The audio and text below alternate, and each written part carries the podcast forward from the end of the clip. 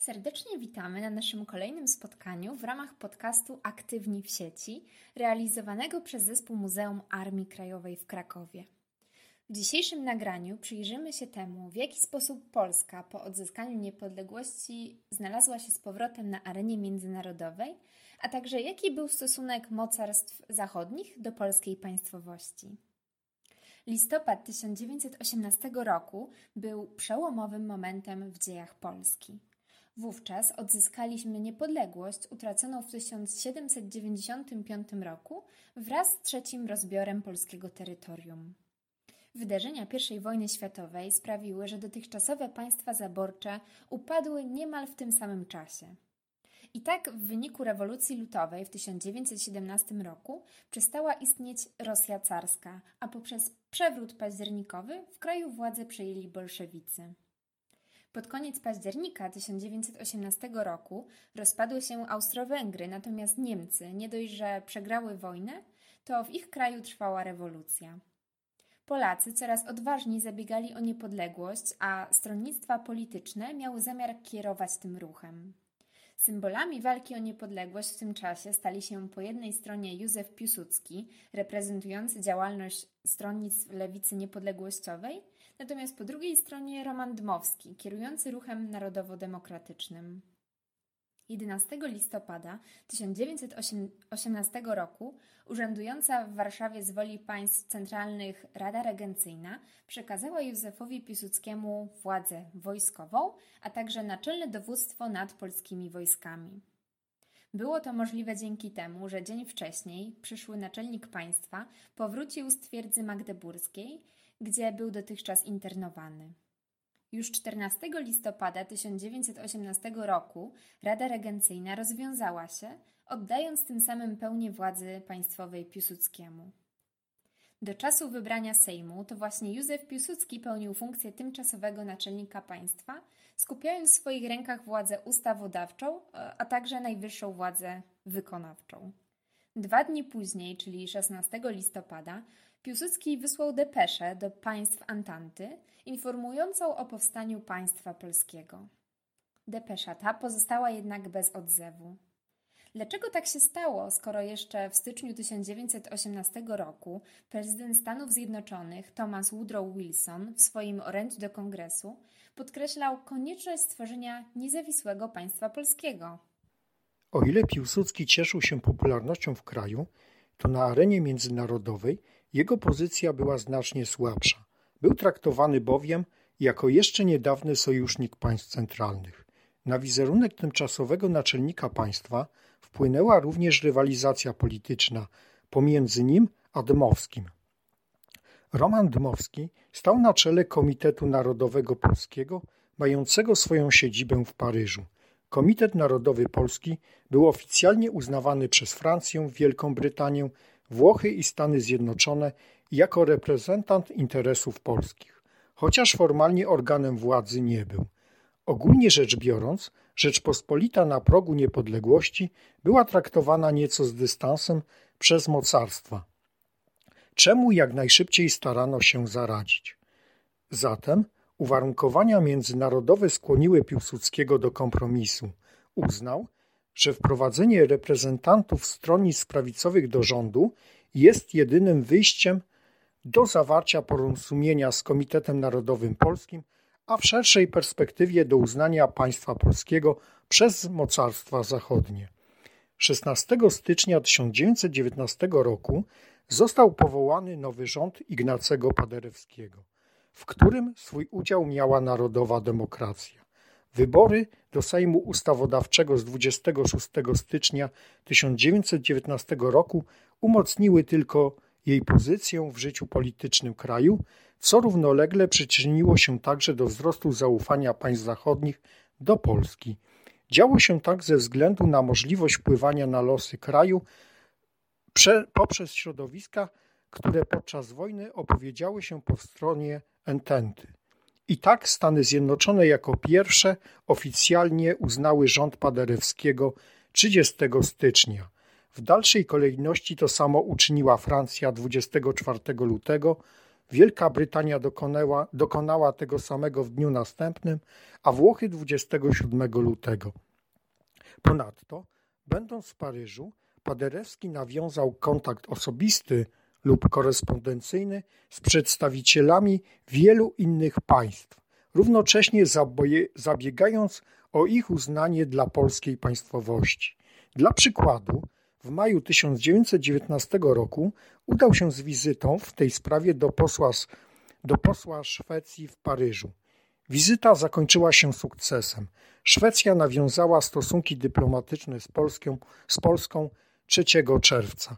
Podobny obrót sprawy przyniosła wymiana korespondencji z posłem Holandii w Paryżu. Proces powrotu Polski na arenę międzynarodową przebiegał właśnie w taki sposób stopniowo i powoli. Po ustąpieniu Paderewskiego w grudniu 1919 roku z funkcji premiera i ministra spraw zagranicznych proces nawiązywania stosunków dyplomatycznych Proces nawiązywania stosunków dyplomatycznych z państwami europejskimi i pozaeuropejskimi kontynuowali jego następcy, ministrowie Stanisław Patek i Eustachy Sapiecha. Zabieganie o nadanie kształtu terytorium, a także potwierdzenie trwałości granic stanowiło ważny element działalności dyplomatycznej Polski. W sprawie kwestii przebiegu granicy zachodniej decyzję miała podjąć zwycięska strona państw Antanty podczas konferencji pokojowej. W roli polskiej delegacji wystąpili na niej przedstawiciele Komitetu Narodowego Polski oraz przedstawiciele Józefa Piłsudskiego. Sytuację w Wielkopolsce zdeterminowały wydarzenia zakończonego sukcesem powstania wielkopolskiego, a także przejęcie na obszarze dawnego zaboru pruskiego władzy najwyższej przez Naczelną Radę Ludową. Co znamienne, Poznańska Naczelna Rada Ludowa nie uznała jednak zwierzchności warszawskiego rządu paderewskiego, chcąc w ten sposób zamanifestować zamiar honorowania decyzji podejmowanych właśnie przez mocarstwa zachodnie w Paryżu. Dalszy przebieg walk skłonił jednak Komisariat Naczelnej Rady Ludowej do szukania poprzez delegację polską, a także przez premiera Paderewskiego pomocy u państw zachodnich. Spowodowało to bezpośrednią interwencję dowódcy wojsk alianckich, marszałka francuskiego Ferdynanda Fosza, który przekonał Niemcy do podpisania rozejmu, a także wyznaczył tymczasową linię demarkacyjną. Trzeba podkreślić, że wojska powstańcze zostały wówczas uznane za część sił alianckich, natomiast front wielkopolski został wciągnięty do postanowień rozejmu z Niemcami z 11 listopada 1918 roku. Powstanie wielkopolskie pokazało mocarstwom zachodnim determinację Polaków w walce z Niemcami, którzy pomimo przegranej I wojny światowej chcieli za wszelką cenę utrzymać jak najwięcej ziem. Powstanie miało realny wpływ na ostateczne decyzje w sprawie kreowania granicy polsko-niemieckiej w Wielkopolsce i na Pomorzu. Polscy delegaci przedstawili swoje postulaty na konferencji pokojowej w Paryżu, która ostatecznie miała właśnie zadecydować o granicy zachodniej. Polskie żądania obejmowały przywrócenie terenów Wielkopolski, Pomorza, Warmii, częściowo Mazur, a także znacznej części Śląska. Postulaty te z niewielką modyfikacją zostały poparte przez specjalnie utworzoną Komisję do Spraw Polskich na konferencji. W tym momencie państwa zachodnie wychodziły najdalej w stronę Polaków. Z czasem okazało się jednak, że kolejne postanowienia przynosiły niekorzystne dla Polski rozstrzygnięcia. Najpierw w kwestii Gdańska, a następnie w kwestii Górnego Śląska, o którym miał zadecydować plebiscyt. Traktat wersalski, chociaż przyznał Polsce znaczną część ziem byłego zaboru pruskiego, to niestety nie zaspokajał polskich oczekiwań, czego skutkiem w następnych latach okazały się dobrze znane powstania śląskie. Granica polsko-niemiecka ukształtowała się więc na drodze walki Polaków, popieranej z jednej strony przez Francję, a utrudnianej z drugiej strony przez Niemcy i Wielką Brytanię. Kształtowanie się granicy wschodniej związane było natomiast ściśle ze stosunkami polsko-sowieckimi. Oba państwa wymieniały między sobą noty dyplomatyczne, które jednak nie powstrzymały wybuchu wojny polsko-bolszewickiej. Podczas jej trwania w lipcu 1920 roku brytyjski minister spraw zagranicznych George Curzon obiecał, że Wielka Brytania przyjmie rolę mediatora w, w zawiązanym konflikcie. Minister przedstawił jednak również swoje warunki. Strona polska miała zgodzić się na specyficzny przebieg granicy, określany jako. Tak linia Kerzona. Nawiasem mówiąc, obecna granica Polski na wschodzie zbliżona jest do ówczesnej propozycji. Strona sowiecka nie przyjęła jednak brytyjskiej mediacji, co sprawiło, że wojna trwała nadal, a granicę ukształtowały dopiero postanowienia traktatu ryskiego z 18 marca 1921 roku. Nasza opowieść kończy się w tym miejscu. Naszym celem było ukazanie pokrótce tego, jaki wpływ na niepodległość i kształtowanie się granic polskich miały mocarstwa zachodnie. Jednocześnie warto zaznaczyć trudne warunki pracy polskiej dyplomacji w pierwszych latach odrodzenia państwa, kiedy jej struktury dopiero się kształtowały i umacniały. Konferencja pokojowa w Paryżu była szczególnym wyzwaniem i ważnym sprawdzianem dla polskiej dyplomacji. Zaprezentowanie spraw polskich na tak ważnej konferencji wymagało ogromu przygotowań i starań, w których brali udział nie tylko urzędnicy resortu spraw zagranicznych, ale również naukowcy i eksperci różnych dziedzin.